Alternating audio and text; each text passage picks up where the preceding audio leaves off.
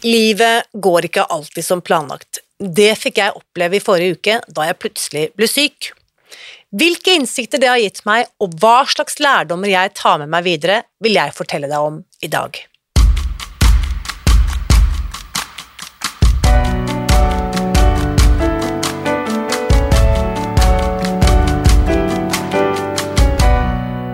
Mitt navn er Irina Lie. Jeg er journalist og forlegger, gründer og sosial entreprenør.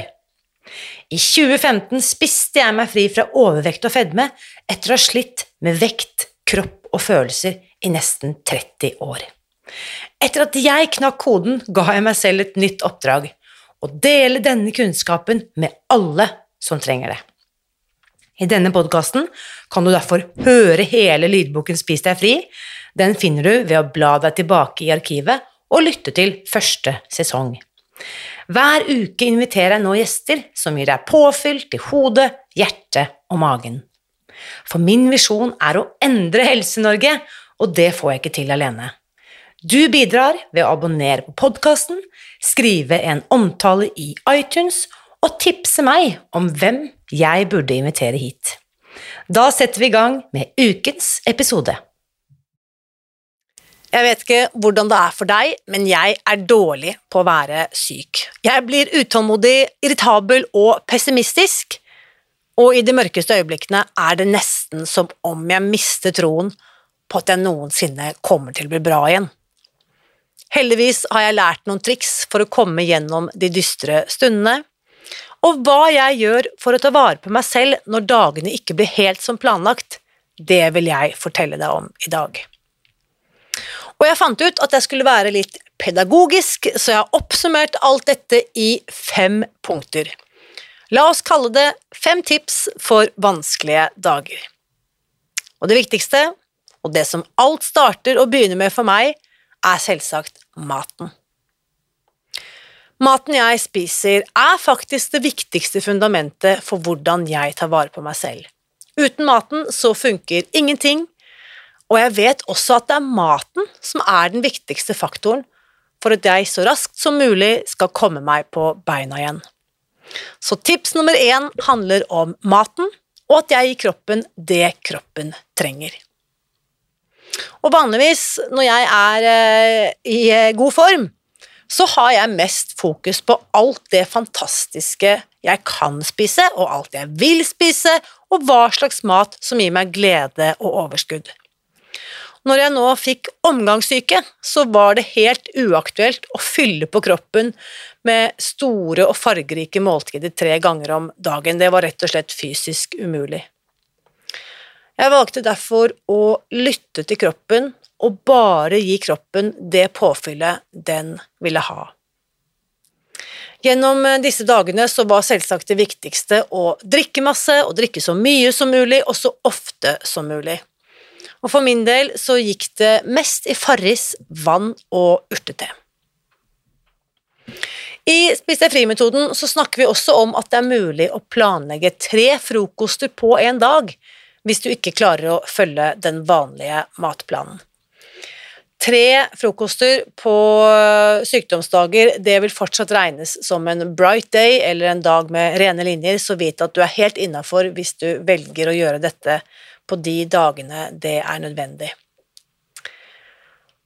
Og for min egen del så må jeg da innrømme at jeg måtte justere ytterligere litt på denne nødplanen, for tre fulle frokoster, det var helt utelukket når jeg var på det dårligste.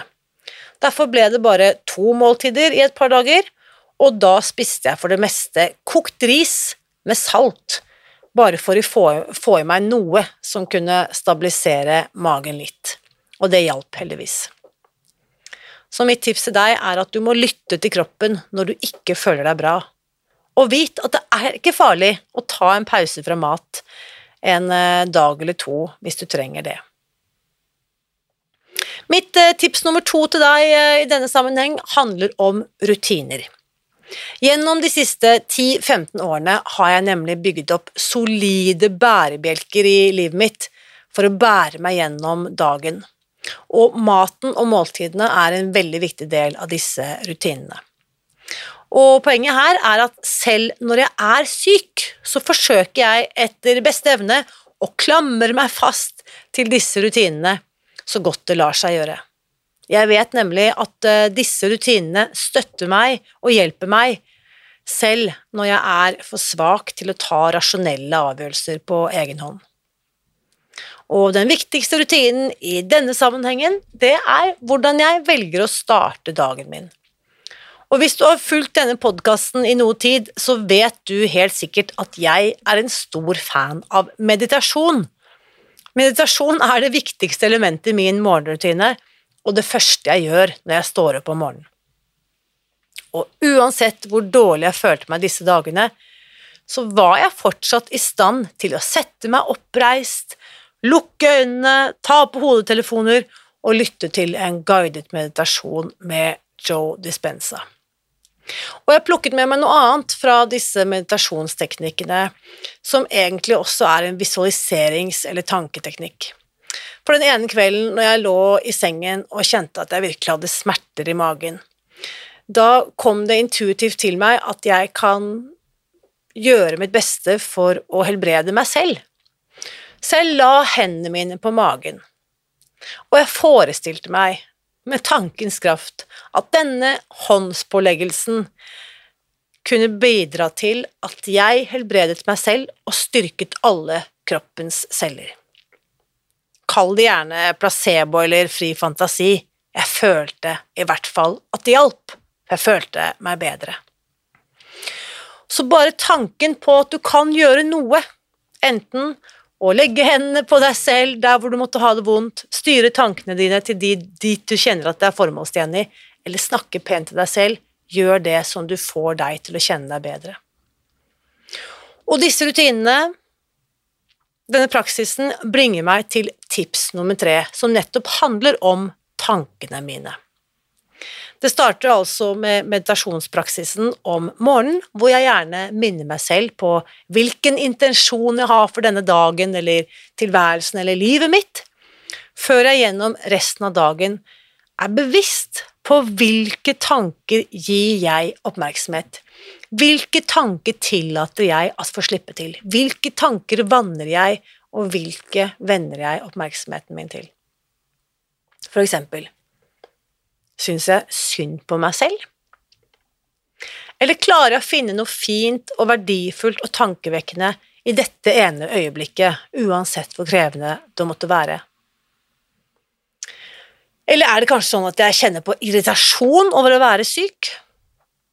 Eller finnes det en del av meg som kan møte og akseptere denne situasjonen med kjærlighet og aksept?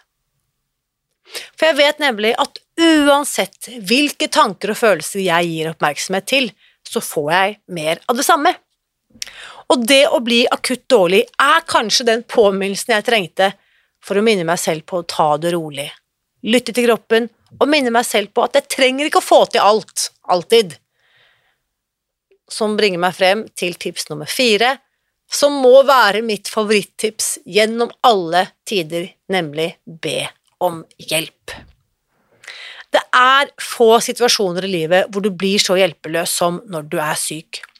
Og kanskje er dette den viktigste lærdommen vi alle kan få, og den viktigste påminnelsen jeg har fått den siste uken, nemlig at jeg trenger ikke å stå i dette alene, uansett uh, hva det måtte være. Jeg kan be om hjelp. Jeg kan kaste inn håndkle, jeg kan vise meg sårbar og fortelle det som det er. For selv om jeg er en sånn person som liker å fikse og få til å gjøre alt jeg har lovet andre, så er det ikke alltid mulig for meg å få til å levere på det løftet. Sånn var det i forrige uke, da jeg i aller siste liten måtte avlyse en workshop bare halvannen time før den skulle finne sted. Jeg hadde liksom bestemt meg at uansett hvor dårlig jeg følte meg, så skulle jeg klare å gjennomføre, men det viste seg at det var ikke mulig. Og det har omtrent aldri skjedd før, eller det har faktisk skjedd én gang tidligere i løpet av alle disse årene at jeg har måttet avlyse et, eh, et webinar pga. akutt sykdom, og i forrige uke skjedde det altså igjen. Og da fikk jeg erfare nettopp det, hvordan det er å be om hjelp. Det viser seg, det var ikke noe problem. Livet skjer, ingen ble skadet. Og nå har vi også funnet et nytt tidspunkt på workshopen om eh, Spis deg fri, som jeg arrangerer i samarbeid med Pulskull. og ny dato for denne workshopen er torsdag 29. februar. Og du kan selvsagt melde deg på og bli med ved å melde deg på spisdegfri.no pulskuren. Og til deg som allerede var påmeldt denne workshopen, som dessverre måtte utsettes, du er allerede påmeldt eh, denne nye datoen.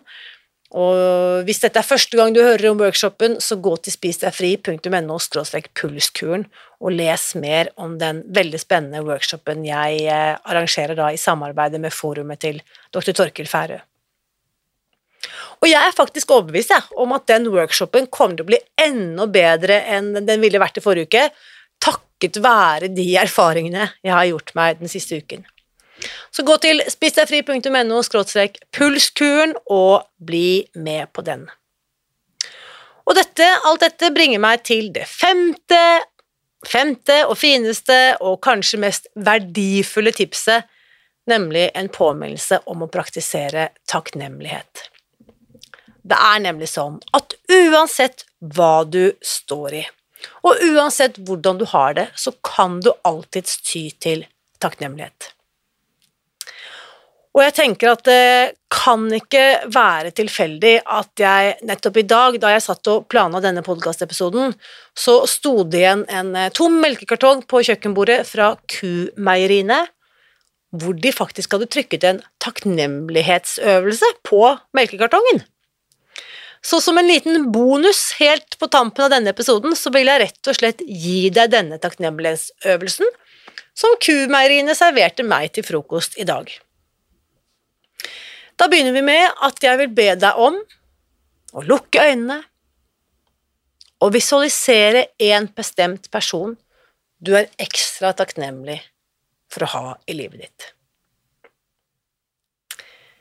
Prøv å sitte helt stille og bare tenke på akkurat det som gjør deg så takknemlig med akkurat denne personen. Og bare kjenn på følelsen som brer seg omkring i kroppen din. Og som Kumeieriene skriver, gode ting er fint å dele. Så bare bruk et øyeblikk nå på å skrive ned på en e-post eller et kort eller en SMS, og skriv ned det du tenkte på til den personen som dukket opp i tankene dine i dag. Var ikke det fint? Det var altså dagens bonustips fra melkekartongen som jeg kjente gjorde meg litt ekstra glad denne morgenen. Og så enkelt kan det altså gjøres, ved å vende oppmerksomheten til den eller det du er takknemlig for. Så vil du oppdage at alle livets hendelser, til og med de du minst ønsker deg, kan gi deg noe å være takknemlig for. Så nå lurer jeg på, hva tenker du etter å ha hørt mine tanker og opplevelser i dag? Samtalen etter ukens episode det fortsetter som vanlig i den åpne Facebook-gruppen Spis deg fri, så bli med over dit og del dine tanker og takeaways etter å ha hørt dette. Og i forlengelsen av mine egne opplevelser den siste uken, så kom jeg til å tenke på den boken vi ga ut for et par år siden, som ga meg helt nye verktøy for å ta vare på meg selv. Det er boken Restart, skrevet av Susan Pearce Thompson i samarbeid med IFS-terapeut Everett Considine. Boken er eh, fortsatt tilgjengelig i alle landets eh, bokhandlere og kan selvsagt også bestilles på våre nettsider spisdegfri.no restartboken.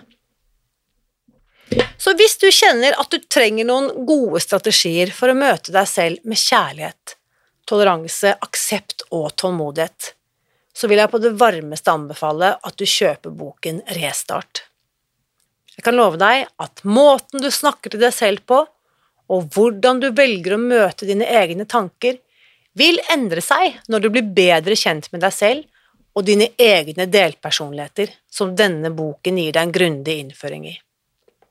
Så sjekk ut boken Restart ved å gå til spisdegfri.no restartboken, eller stikk innom din nærmeste bokhandel, hvor du også finner denne boken.